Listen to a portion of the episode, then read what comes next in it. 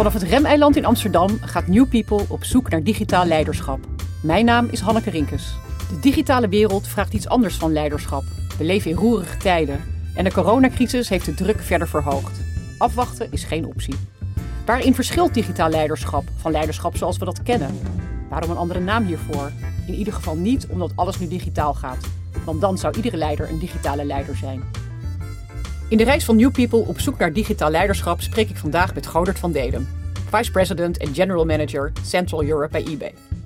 Welkom Godert. Heel fijn dat je hier eh, vandaag bij ons in de studio aanwezig bent. Uiteraard op gepaste corona-afstand. Het is een hele uitgekoude vraag, maar ik ga hem je toch stellen. Hoe doe jij nou je werk in tijden van corona? Uh, ja, thuis. Ergens bevalt me dat heel goed. Uh, voor corona was ik iedere week op reis. Elke week moest ik naar een van onze kantoren over de wereld. veel, veel in Europa, maar iedere week weg. Dat is weggevallen en dat bevalt me heel erg goed. Maar ik zit wel nu de hele dag thuis achter mijn laptop in, in eindeloze Zoom-meetings. Onze kantoren zijn allemaal dicht in Europa en in de VS. In Azië met name alweer open. En de komende maanden, kwartalen verwachten we dat niet heel erg anders. Dus het bevalt me aan de ene kant dat ik niet hoef te reizen. Maar ik zit wel heel erg, net zoals al mijn collega's, in mijn eentje achter een scherm naar de rest te staren. En hoe hou je de spirit er dan in? Uh, dat is lastig. We, we, proberen steeds meer te meten van hoe gaat het nou met de energie van iedereen. En, uh, en dat te, te, vragen, de tijd en aandacht aan te besteden. Maar dat is, dat is toch moeilijk. Met name omdat we heel veel nieuwe mensen hebben aangenomen het afgelopen ja. jaar. Uh, die je nog niet zo goed kent. Dus van mijn eigen teams kan ik iets beter nog wel lezen van hoe gaat het met ze. En uh, zullen ook iets opener en eerlijker naar me zijn. Maar voor de rest niet. Dus ik maak me best wel zorgen over de, de mentale en fysieke toestand van, van de organisatie. We doen heel veel om dat te supporten. Maar echt heel diep dringen we nog niet door. Dus we zien allemaal wel uit naar de tijd dat we weer naar buiten kunnen. En elkaar ja. kunnen zien. Ja, nee, zoals... Zoals iedereen, denk ik. Ja. Zoals iedereen. Zoals iedereen. Een nieuw vast onderdeel in deze podcast zijn de digitale dilemma's. Hierin leg ik jou 10 dilemma's voor, waartussen je zo snel mogelijk moet kiezen. Ben je er klaar voor? Ik ben er helemaal klaar voor. Oké. Okay. Nieuw of tweedehands? Nieuw. US of China? China. Amazon of Alibaba? Amazon. Digitale transformatie of digitale groei? Groei. Corporate of grown-up? Grown-up. Waterval of agile? Agile. Skiën of schaatsen? Skiën. Tech of mens? Mens. Algoritmes of eigen keuzes? Algoritmes. Adevinta of eBay? eBay. Oké. Okay. Opvallende keuzes, uh, Godert. Je kiest bijvoorbeeld voor mens en niet voor tech. Uh, als ik naar jouw carrière kijk, dan uh, ben jij eigenlijk een van de kan je wel zeggen, pioniers geweest in het digitale domein. Je hebt altijd voor techbedrijven gewerkt, digital native bedrijven. Is dat een hele bewuste keuze geweest? Ja, eigenlijk wel. Zelfs in mijn studie heb ik die keuze al gemaakt. Ik heb economie gestudeerd op bestuurlijke informatiekunde, wat informatietechnologie en economie is. Met al de gedachte van IT en technologie gaat een steeds grotere en belangrijkere rol spelen in ons leven en in organisaties. En hoe moet ik daarna naar kijken? Wat is, wat is uh, mijn rol daarin? En in de keuze voor eigenlijk alle bedrijven waar ik gewerkt heb, is, is technologie de rode draad geweest. Ofwel technologie als enabler, uh, ofwel technologie als, als de core. Um, of zelfs als consultant, zoals ik ooit begonnen ben, uh, in, in, in assessments doen van IT en technologie organisaties.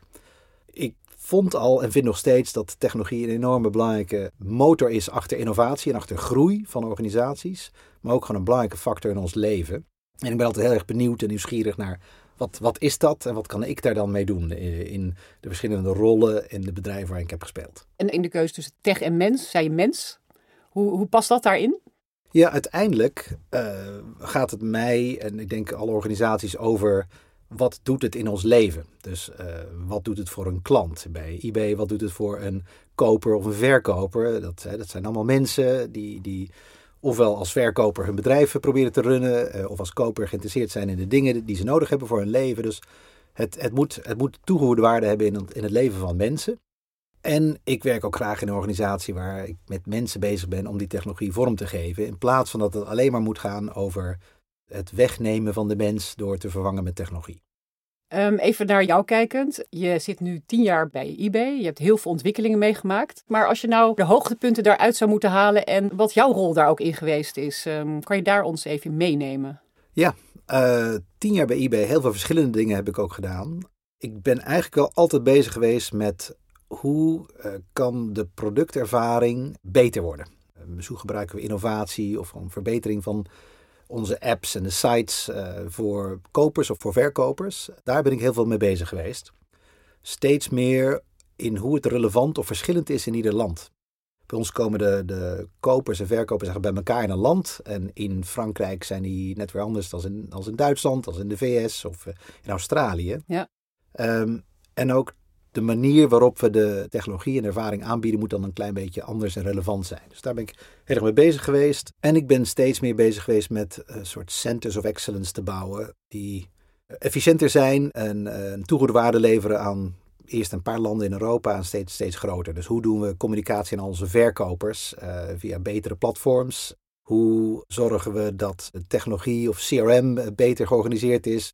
Dus daar ben ik heel erg mee bezig geweest om die neer te zetten. En, uh, nog steeds eigenlijk uh, een groot deel van mijn huidige rol. En wat vind je je belangrijkste succes daarin? Dat je zegt van nou, daar ben ik echt op ingestapt en uh, dat heb ik gewoon ook gerealiseerd. Ja, ik denk in die Centers of Excellence met name over hoe, hoe kunnen we nou daadwerkelijk waarde toevoegen en efficiëntie creëren in de organisatie. We zijn een groot bedrijf, staan al lang en daardoor zijn we ook groot gegroeid en hebben heel veel silo's gecreëerd.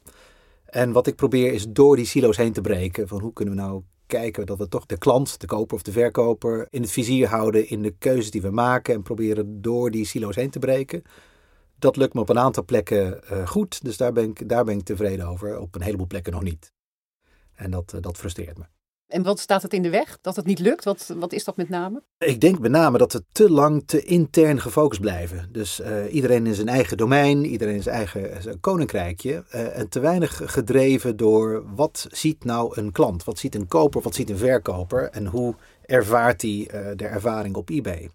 Te veel nog nu is dat dat hij eigenlijk van afdeling naar afdeling navigeert. En waarschijnlijk voelt en merkt van hé, dat sluit niet mooi op elkaar aan.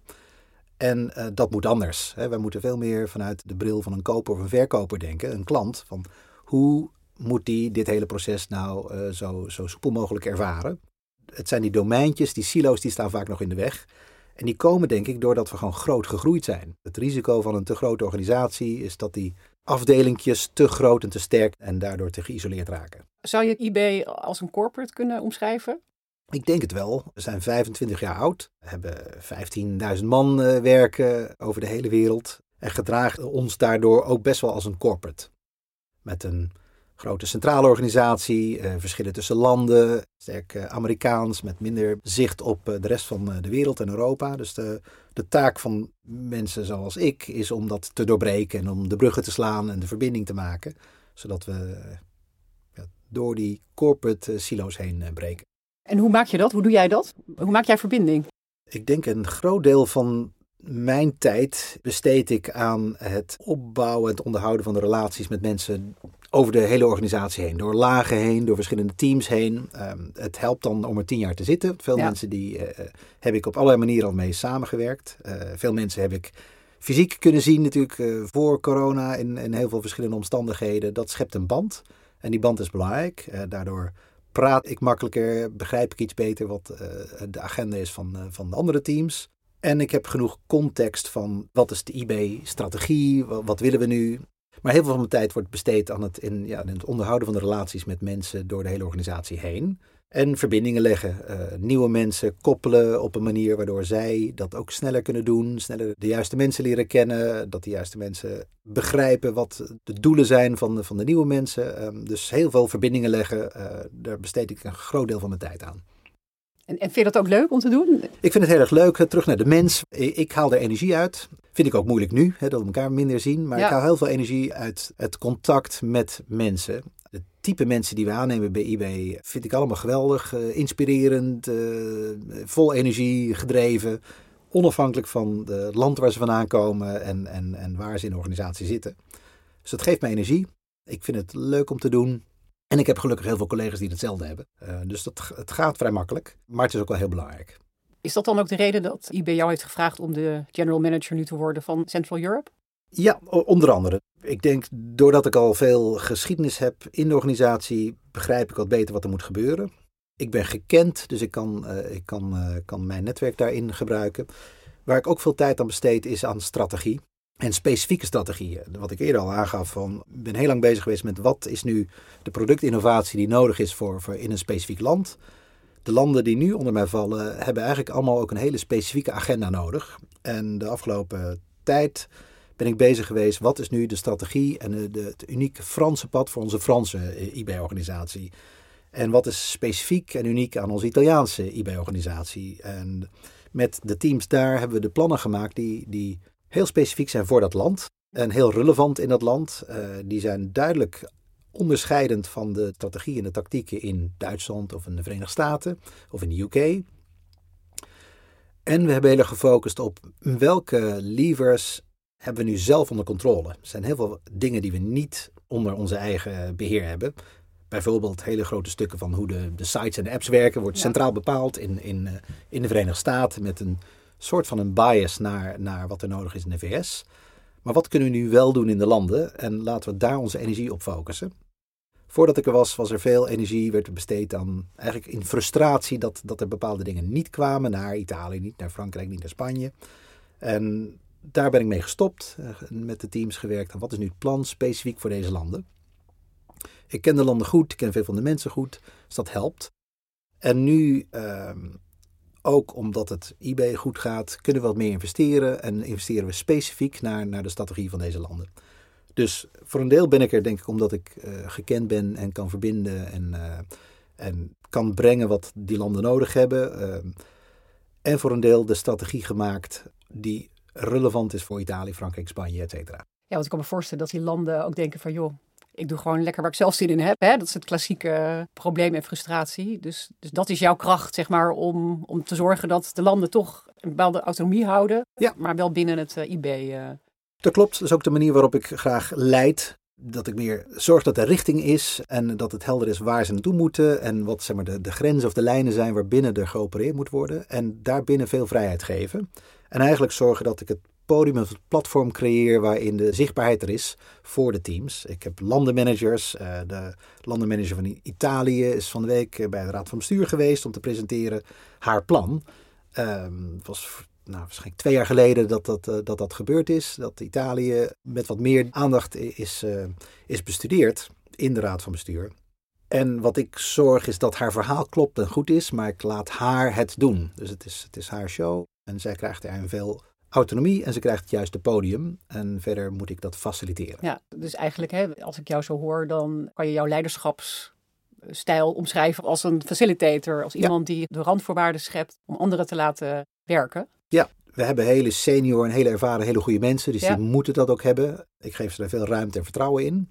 En ik haal de obstakels weg die, die er misschien in de weg staan. En de, de faciliteiten die er nodig zijn. Uh, geld, middelen, headcount. Uh, dat zie ik meer als mijn taak dan om heel erg diep in de details uh, te zitten.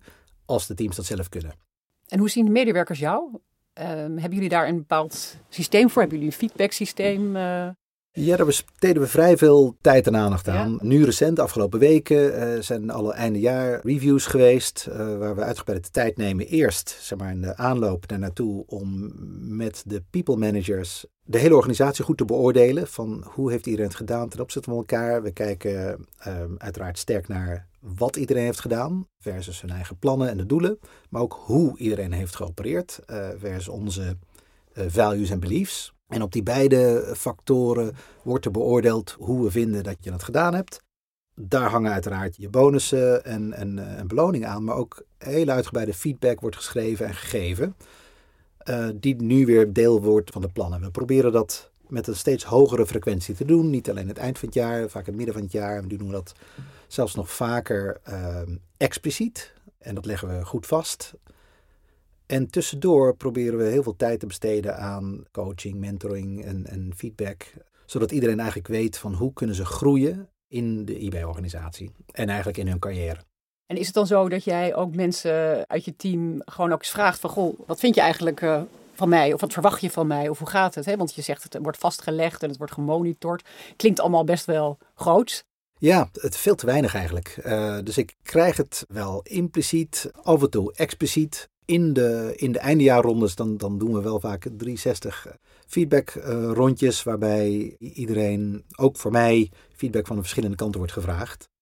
Als ik heel eerlijk ben, zou ik best graag nog meer feedback krijgen, expliciet ook van mijn teams, uh, over, over mij. Maar dat, dat gebeurt toch op een of andere manier te weinig. En soms is dat best, best wel jammer. Ja, ik kan me voorstellen. Heeft het meer te maken met het feit dat je dan in een. Ja, je zei net grown-up, maar dat het toch meer naar een corporate gaat. Dat je merkt dat het wordt vastgelegd ergens. Wat wordt er dan mee gedaan met die feedback die je hebt gegeven? Ja, en ik denk dat het steeds minder wordt verderop in je carrière. De intensiteit en de kwaliteit, uh, hoe uitgebreid de feedback is. Voor mensen jonger in de organisatie en korter in de organisatie gebeurt dat eigenlijk wat uitgebreider. Het heeft er ook met groei en senioriteit te maken, wat eigenlijk ook wel jammer is. Vraag jij wel eens feedback aan jouw CEO over jou? Jawel, ook. Ik heb dat uitgebreid gekregen in, in de afgelopen periode. Maar tussendoor gebeurt dat eigenlijk weinig. Het is er wel, maar buiten de formele check-ins uh, best wel beperkt. Ja, ja. Er wordt uh, veel geschreven over het feit dat de nieuwe economie een heel ander type leiderschap vraagt. Hoe zie jij dat? Ik, ik denk bedrijven waar technologie in het hart zit, die hebben veel meer data. Het stelt je in staat om data veel beter te gebruiken in je beslissingen. Met name de directe respons van klanten. In ons geval kopers of verkopers. Dus onze, onze beslissingen en hoe wij dus leiden, kan veel meer gedreven worden door echte data die komt van klanten. Dus klantobsessed of klantgefocust zijn, kunnen we in, in veel technologiegedreven uh, bedrijven veel beter doen. Omdat je veel meer feiten en cijfers en data dus hebt uh, die je informeren. Dus ik denk dat dat één factor is die je in staat stelt om dat te doen. Het andere is meer noodzaak. Uh, het concurrentieveld is heel wendbaar. Er wordt heel veel geïnnoveerd. Je kunt eigenlijk ook niet stilzitten. Je eigen data die is belangrijk, maar ook je voelsprieten, wat gebeurt om ons heen, is heel essentieel. Omdat er heel veel verandert in een heel hoog tempo. Eigenlijk innovatie versnelt. En uh, als je te lang stil blijft zitten, word je links en rechts ingehaald. Uh, eBay heeft dat ook heel expliciet gemerkt. Waar we een hele tijd eigenlijk de enige in onze soort waren. En op een gegeven moment kwam Amazon links langs uh, en haalde ons in. Aan de andere kant, aan onze consumentenhandelkant, uh, waren er heel veel andere partijen die heel snel en wendbaar zijn en in no time een heel groot bereik konden creëren. En heel erg concurrerend uh, werden. We concurreren nu ineens met een bedrijf als StockX, die in bepaalde categorieën heel goed is en heel specifiek een deel van onze strategie is om ook heel specifiek uh, relevant te worden. Dus je hebt aan de ene kant uh, heel veel data en informatie die je kunt gebruiken om veel beter, uh, veel geïnformeerde manieren juiste beslissing te maken. Aan de andere kant moet je ook je voelspieten enorm scherp hebben van wat gebeurt er nou om ons heen. En zijn we wendbaar genoeg om daarop in te springen? Want vroeger was dat misschien in een decennium dat je, dat je werd ingehaald. Nu kan het in een jaar zijn. En tenslotte moet je dus wendbaar genoeg zijn, ook al als je groot bent, om daarin mee te kunnen, om daarop in te kunnen springen. En dat vraagt dus permanente wendbaarheid van een organisatie, ook als je heel erg groot bent. En wendbaarheid van een leider ook. En dus wendbaarheid van de leiders. Van ben je in staat om te beslissen op basis van data? Heb je genoeg je klant in het vizier in al die beslissingen? Weet je genoeg van wat er om je heen gebeurt? En ben je daadwerkelijk wendbaar, ook in je hoofd en in je strategie? Eh, en ben je in staat om je organisatie mee te krijgen in zo'n snel veranderende markt? En als je nou kijkt, hè, want jij bent tien jaar geleden bij eBay begonnen, een heel andere organisatie dan wat het nu is. Onze ervaring leert ons dat de mate van digitale maturiteit een ander type leiderschap vraagt. Ik heb het gevoel dat jij zeg maar een aantal fases hebt doorgemaakt. Welke fase past het best bij jou? Of ben jij zo agile dat je zeg maar in elke fase um, jouw sterke punten of jouw kwaliteiten kan inzetten? Ja, dat is een interessante vraag. Ik heb in een paar start-ups gewerkt. Daar was het heel erg makkelijk om nog enorm te bewegen, maar was het ook heel erg risicovol. In 2001 stortte de eerste internetbubbel zeg maar, in en moesten eigenlijk heel veel bedrijven zichzelf opnieuw gaan uitvinden. Heel boeiend, maar ook, ook al best wel lastig als je nog jong en kwetsbaar bent. Ik denk dat ik in een grotere organisatie zoals eBay uh, wel pas, waar genoeg slagkracht is, maar tegelijkertijd genoeg uh, innovatiedrang. De frustratie is denk ik soms dat, dat het zo groot is dat het te langzaam beweegt. Eh, Dat het toch te veel zeg maar, een containerschip eh, is wat te weinig wendbaar is. Terwijl we heel helder zien uh, wat, er, wat er om ons heen gebeurt. Daar zijn we nu heel erg hard mee bezig. De velocity of de snelheid van, van innovatie, hoe kunnen we die enorm veel verbeteren? Dat gaat het denk ik nog plezierig maken. Voor mijzelf ook. Alle dingen die ik zie en waarneem in de markt waar ik op in zou willen springen, of de gaten in onze ervaring die, die ik zou willen invullen, die kunnen we veel sneller beantwoorden. Als die velocity, snelheid van innovatie groter wordt heel veel groter, denk ik, dan, dan zou ik ook wel weer verloren raken in de organisatie. Dus ik denk dat dit, dit eigenlijk wel past. Je bent eigenlijk meegegroeid. Ja, dat denk ik. En als je dan naar je, naar je carrière kijkt, heb je momenten gehad waar je dacht, mm, nee, misschien toch niet zo'n handige keuze. Of um, dit had ik toch in hindsight anders gedaan. Ja, ik heb, uh, ik heb heel veel meer strategisch en supportrollen gehad. Uh, fusies en overnames, ja. strategie. Heel interessante rollen. Uh, belangrijk voor een organisatie en dicht bij het vuur. Maar te ver weg van de operatie. Heb eigenlijk vrij laat een switch gemaakt naar meer operationele rollen. Waarbij ik een explicietere target had die ik moest, uh, moest gaan halen. Nu als general manager een PNL en alle, alle, alle klantenmetrics die daarbij horen. Dat had ik achteraf gezien veel eerder willen of moeten doen.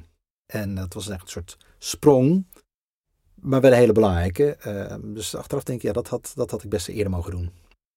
Was het een bepaald moment dat je dacht, dit ga ik nu doen? Van nou, ik wil dichter bij die operatie gaan staan, dus ik kies nu heel bewust hiervoor. Of hoe, hoe is dat gegaan? Ja, het was een mix denk ik van opportunity en de kansen die me werden gegund door de, degene die ik tot dat moment had ondersteund. Die dat ook wel herkenden bij mij, die me een beetje, een beetje hielpen en duwden. En de juiste banen die langskwamen waar dat heel goed bij paste en mijn drang om dat te willen. Dus het was omstandigheid en een beetje gunnen van, uh, van mijn uh, zeg maar de, de sponsoren uh, van dat moment. Wat de belangrijkste trigger is geweest. En daarna mezelf ook geleerd en bewezen van ja, kan ik dat? Hoe doe ik dat? En vind ik dat leuk? Of wil ik toch terug naar die meer supportrollen? En mijn conclusie was, ja, ik vind het leuk. En je was er goed in? En ik was er goed in ja. en, ik, en ik wil ook niet meer terug. En als je jouw kinderen, nou ze zijn nog wat jonger, dat weet ik dan. Um, maar als jij hen op een gegeven moment advies zou moeten geven van joh, weet je, neem dit mee als jij een bepaalde carrière wil gaan doen. Wat zou dan jouw belangrijkste advies zijn? Nou, ik denk iets rondom nieuwsgierigheid. Ik denk dat dat heel erg belangrijk is. Nieuwsgierigheid naar de mensen om je heen en wat hen nou uh, drijft. Uh, nieuwsgierigheid naar je klanten, de, de omgeving. En nieuwsgierigheid naar innovatie en het speelveld waarin je zit. Dus ik denk nieuwsgierigheid is heel erg belangrijk eigenlijk openstaan voor, voor wat, er, wat er om je heen gebeurt. En dan misschien samen met een soort ongeduld. Dus niet te lang wachten, sneller, uh, maar eens iets proberen. En het oké vinden om daar misschien ook af en toe te falen of uh, dat het niet helemaal gaat en, lukt. Maar het is beter om die nieuwsgierigheid zeg maar, te belonen en iets te, te doen en te proberen dan te lang daarin te, te wachten of te wentelen in een soort uh, comfort.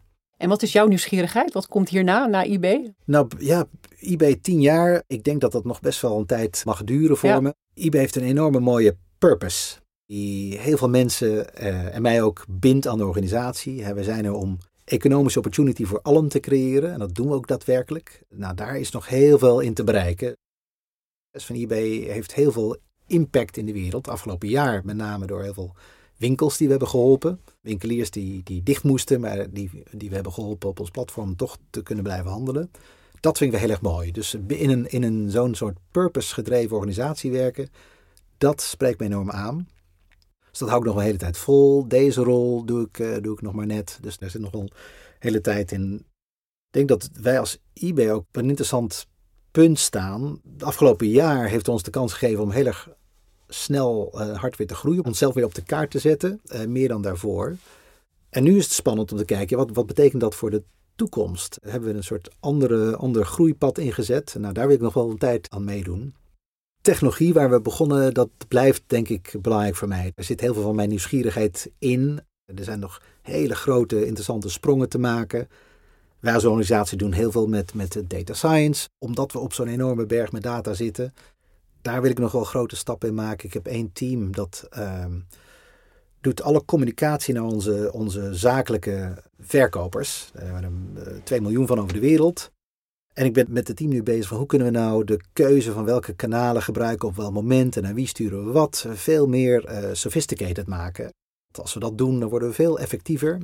En dan bereiken we veel meer van, van die werkkopers. Dat gaat daadwerkelijk impact hebben in, in hoe effectief en hoe succesvol zij zijn op het platform. Dus er zijn nog een paar hele grote, interessante vraagstukken waar nog, uh, waar nog jaren aan, aan, aan werk achter zit. Daarna, ja, goede vraag. Uh, ik denk altijd wel iets met technologie. Uh, ook wel altijd iets met grote organisaties of de organisatie van hele gedreven en enthousiaste mensen om me heen. En dan mijn rol, ja, die zal wel, zal wel veranderen daarin. Dat is oké. Okay. Uh, maar die mix van technologie en mensen, dat, dat vind ik wel heel erg boeiend. Als ze jou gaan vragen om een groot bedrijf te gaan transformeren, zeg maar, een, een oude economiebedrijf noem ik het dan maar even, dan sta je niet om te springen. Nou, dat, dat hangt er vanaf of de transformatie serieus is. Ik heb ooit gewerkt bij een groep van gouden gidsbedrijven, waar de transformatie naar online en mobiel eigenlijk niet serieus werd genomen. Er was zo'n zo'n historie in het produceren en het verkopen van het boek, dat die industrie eigenlijk niet meer bestaat. En ik eh, was verantwoordelijk voor strategie en voor uh, fusies en overnames en was heel erg aan het duwen op, we moeten versneld naar online kanalen. En we moeten versneld naar, naar mobiel, want daar zit de groei. En we hebben een aantal hele belangrijke assets. Maar het was te ingewikkeld uh, om dat voor elkaar te krijgen. Omdat de, de, de, de historie, de legacy, dat was zo oud en zo sterk. En dat was zo succesvol geweest. Zolang dat die transformatie eigenlijk niet ging. Als een organisatie serieus is van we moeten dit doen om, hierom. En eigenlijk de hele organisatie gaat mee dat is heel interessant, denk ik. Want dan ga je zeg maar, de technologie of digitale elementen die relevant zijn voor de industrie uh, echt omarmen en, en de kern maken. Ik denk dat dat heel erg boeiend is. Maar wat ik heb gemerkt, dat ook heel erg lastig is als er te veel geschiedenis is in een organisatie. Ja, ja nee, dat merken wij ook inderdaad.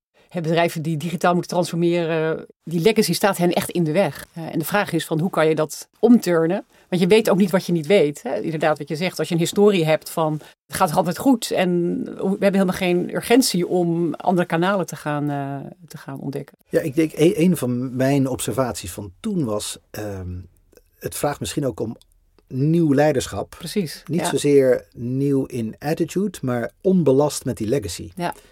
Het collectieve management wat ik toen zag in die Gouden Gidsen, dat had waarschijnlijk bij elkaar 150 jaar ervaring in het maken van een, van een Gouden Gidsboek.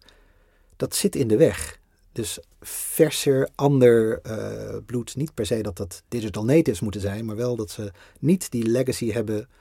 Dat helpt. Eigenlijk zou je kunnen zeggen dat een bedrijf als eBay, wat in een grown-up fase zit, um, ook weer in die transformatie in moet gaan. Dat het ook eigenlijk toch een corporate is geworden. Ja, ik, ik denk dat dat klopt. Als je van een soort scale-up naar een grown-up gaat, op een gegeven moment word je gewoon een groot instituut. Met de politiek en de logheid en de silo's waar we het eerder over hadden. Uh, en die zitten eigenlijk in de, in de weg, waardoor je ingehaald wordt door start-ups, maar ook door scale-ups. Omdat die uh, wendbaarder zijn, makkelijker kunnen opereren, die silo's nog niet zo ingebed uh, zijn. Dus eigenlijk is er ook een soort transformatie waarschijnlijk nodig van die digitale grown-ups naar een model wat misschien meer lijkt op die van een scale-up. is eigenlijk ook interessant. Hoe besluit je nou dat dat nodig is?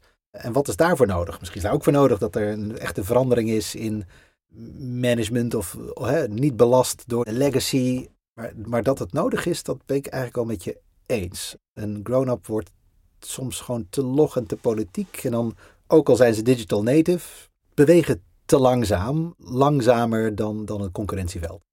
Dus zou je eigenlijk al in die scale-up fase moeten bekijken van wat moet je nou doen om te zorgen dat je daar niet terechtkomt? Hè? Want een, een businessdoel is natuurlijk van oké, we willen uh, groeien, maar we willen niet corporate worden. Ja, wat, wat is daar dan voor nodig? Hè? Wat, het is interessant om te kijken wat is dan de code daarvoor om die te, ja, ja, hoe ga je dat nou cracken? Of wat zit er nou in de leiderschap en in de attitude en de mindset van die, de managers en de leiders van een scale-up? En kun je dat vasthouden? Of wat verandert er eh, als je naar je, je volgende groei fase gaat? Fase, is dat gewoon dat, dat de mensen er te lang zitten en uh, te vastgeroest raken of dat de organisatie te groot wordt? Uh, en hoe ga je daarmee om? Maar er zit dus iets interessants in de mindset, denk ik, en de leiderschapsstijl van de scale-ups. Ja. Wat je zou moeten of willen vasthouden, of naartoe terug transformeren als je, als je groot, te groot geworden bent. Ja, en als je dan naar jouzelf kijkt, weet je dan waar dat zit? Als je daar even op zou reflecteren. Want jij bent ook onderdeel nu daarvan. En je ziet het wel, of zie je het niet? Dat het. Nee, je ziet het wel, want je zegt zelf, hè, die silo's doorbreken. Misschien zit er iets in complacency of zo. Dat je, je je te veel neerlegt bij het feit dat is nou eenmaal zo. In plaats van daarin dat, dat niet accepteert. Zegt dat dat kan niet zo zijn, want we moeten sneller bewegen. Die silo's mogen niet bestaan, want die zitten onze klanten in de weg.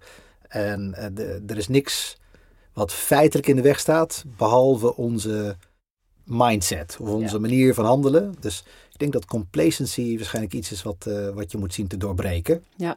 Um, de vraag is hoe? Uh, ja, nou ja, de realiteit wat er gebeurt in de markt zou al genoeg moeten zijn. Concurrentiedruk is en wordt groter. Daar moet je iets mee. Of de groei neemt af, daar moet je iets mee. Dus er zou genoeg burning platform moeten zijn om dat voor elkaar te krijgen. Maar ik denk dat je moet zoeken naar de, dus de, de, de, de, de mindset en waar zit die nou daadwerkelijk in de weg. En ik weet niet precies hoe je dat zou kunnen meten uh, of, of onderzoeken of zien. Of met een, met een soort cohorte verse groep van, van managers en leiders dat doorbreken. Die juist uit die scale-ups scale komen. komen. En dat, dat hetzelfde enthousiasme en hetzelfde ongeduld en het gebrek aan complacency met zich meenemen. Eigenlijk moet je in de mindset altijd een scale-up fase houden. Ja. Want leiders die, die het goed doen binnen die scale-ups, dat zijn niet noodzakelijkwijs de mensen die bij eBay zeg maar het gaan brengen. Want die lopen ook tegen muren aan. Zoals Google, die gaan dan met elkaar in een hoek zitten. En die gaan alleen maar kijken van oké, welke krachten zijn er nu op ons? Hoe kunnen we nou ons eigen businessmodel helemaal compleet op zeep helpen? En dat blijf je constant scherp houden. Ja. Om, uh, nou ja, om jezelf te innoveren of te blijven ontwikkelen. En dat is het. En dat is het. Ja. Atjen heeft die mindset volgens mij. Ze zich heel erg proberen expliciet als scale-up te gedragen. Terwijl ze, als je ernaar kijkt, groot genoeg zijn om, om ook een grown-up te kunnen zijn. Hoe vinden we onszelf nou helemaal opnieuw uit? Of hoe ziet dat eruit? Dat ga je niet doen, maar dan weet je wel, oké, nou, dit, dit, dit, dit, is sterk, dit is eigenlijk helemaal niks. Dit is uh, niet toekomstvast, maar kan anders. Ja. ja. Ik heb ooit bij eh, BSO gewerkt, uh, van Eckhart ja, Winsen. Ja. En die had die filosofie van op het moment dat je Kleine groot wordt. Ja, precies. uh, dan, ja. dan split je jezelf weer. Ja, ja, Daar zit ook iets in. Want dan hou je dus ook die ondernemende ja, uh, mindset. ja. Ja, want als je heel groot bent. Nou, de eerste vraag is: als je een technologiebedrijf bent, hoeveel moet je eigenlijk met mensen doen? Dus waar, waar kan technologie doen wa- wat je niet met je mensen kan? En eh, dus dat, dat, is, dat is al één vraag. Ehm, dan is de vraag van, als je heel veel mensen hebt, ja, dan moet je op een gegeven moment gaan organiseren. En, en dan krijg je onherroepelijk allemaal, allemaal silo's. Dus dat, dat model van winsten, dat is interessant. Je had er toen over nagedacht. Had er toen over nagedacht. Ja, had het afgekeken bij de Aboriginals, hè, die, eh, de stammen. Ja, Zo van, als die te groot werd, dan splitsten ze zichzelf op. Ja. En dan gingen ze in twee stammen Ja. weer verder. Ja. Eh, omdat dat blijkbaar een soort optimaal evenwicht Ja. is van mensen ja. die met elkaar samenwerken. Nou, of je moet je afvragen, is dat omdat wij nou eenmaal van dat soort structuur houden? Als groep van mensen die groter wordt, wil een structuur en wil een hiërarchie. Nou, Anders werkt de kudde niet. Ofwel kun je een soort agile mindset ook in groepen die groter dan één scrum team zijn. Kun je ook agile zijn met, met hond, een, een Met team honderd van 100. mensen. Ja. En Ja. hoe organiseer je dat? En er zijn daar nog helemaal geen organisatiemodellen voor. Eh, eh, Het is niet zelfsturende teams, maar wat, wat dan Wat wel? is het dan wel, precies. Ja. Ja. Ja, er, zit, er zit iets soort luiheid in. Ja. En, eh, ja, dat zit er ook in. En de mensen is natuurlijk van nature lui. Ja, ja, ja. Of wij, wij claimen ook heel vaak, ja, ik kan dat niet doen omdat ik daar de mensen niet voor heb. En dat is vaak wel zo. Maar je kan ook andere afweging maken. Het is nooit zo dat iedereen even effectief is en evenveel waarde toevoegt. Dus misschien moet je gewoon meer keuzes maken erin. Ik denk dat, dat daar challengen we dan al, al die vragen altijd weer in terug. Ik denk dat wij ook, maar misschien elke organisatie, te weinig kijkt naar de echte operational excellence. Van Sigma, Black Belt denken, eh, voortdurend. Van oké, wat we doen, is dat nou met deze groep mensen op deze manier meest effectief of niet? Ja, en daar vind ik het wel grappig dat jij dus zeg maar tien jaar geleden bent ingestapt. Dat je niet echt op een gegeven moment bent aangelopen dat je denkt van nou dit is niet meer mijn bedrijf of zo, dit past niet meer bij mij. Ja. We spreken ook mensen die zeggen ja je moet mij niet hebben voor zo'n eh, voor zo'n grown-up fase. Ik, wil, ik zou nooit bij eBay willen werken bijvoorbeeld, hè, want, maar ik wil wel bij een bedrijf juist wat moet gaan schalen. Ja, nou ja, het grote verschil was toen, ik kwam uit die gouden gids en dacht van jezus, hier is volledig de boot gemist. En dat eBay, die maken wel gewoon stappen. Ik zat ook bij de groep waar Marktplaats bij hoort. in eerste instantie. Oh ja, Dus precies. dat was heel erg wendbaar, er werd geaccureerd, daar werd nog bewogen. Daar had ik niet meer willen zitten. Dus ik ben geswitcht naar eBay. Dat was wel een verschil. Ik wil jou heel hartelijk danken. Ik denk dat we mooi inzicht hebben gekregen in wat jij hebt gedaan binnen eBay, de ontwikkelingen die je hebt doorgemaakt. Als je nou nog één tip aan onze luisteraars zou moeten meegeven, wat zou die dan zijn? Ik denk hetzelfde als aan mijn kinderen. Blijf heel erg nieuwsgierig. Kijk om je heen. Kijk naar wat jouw klanten je, je vertellen. Kijk naar wat er in het speelveld om je heen gebeurt. En kijk naar wat eigenlijk je organisatie zelf je vertelt. Als je veel jonge nieuwe mensen net uit de schoolbanken binnenhaalt. Luister heel goed naar hoe die kijken naar jouw industrie. Dus die nieuwsgierigheid is denk ik heel erg belangrijk. En het andere, ja, wees, wees lekker ongeduldig. Hartstikke goed. Daar sluiten we mee af. En Goder, je wel. Ja, heel graag gedaan.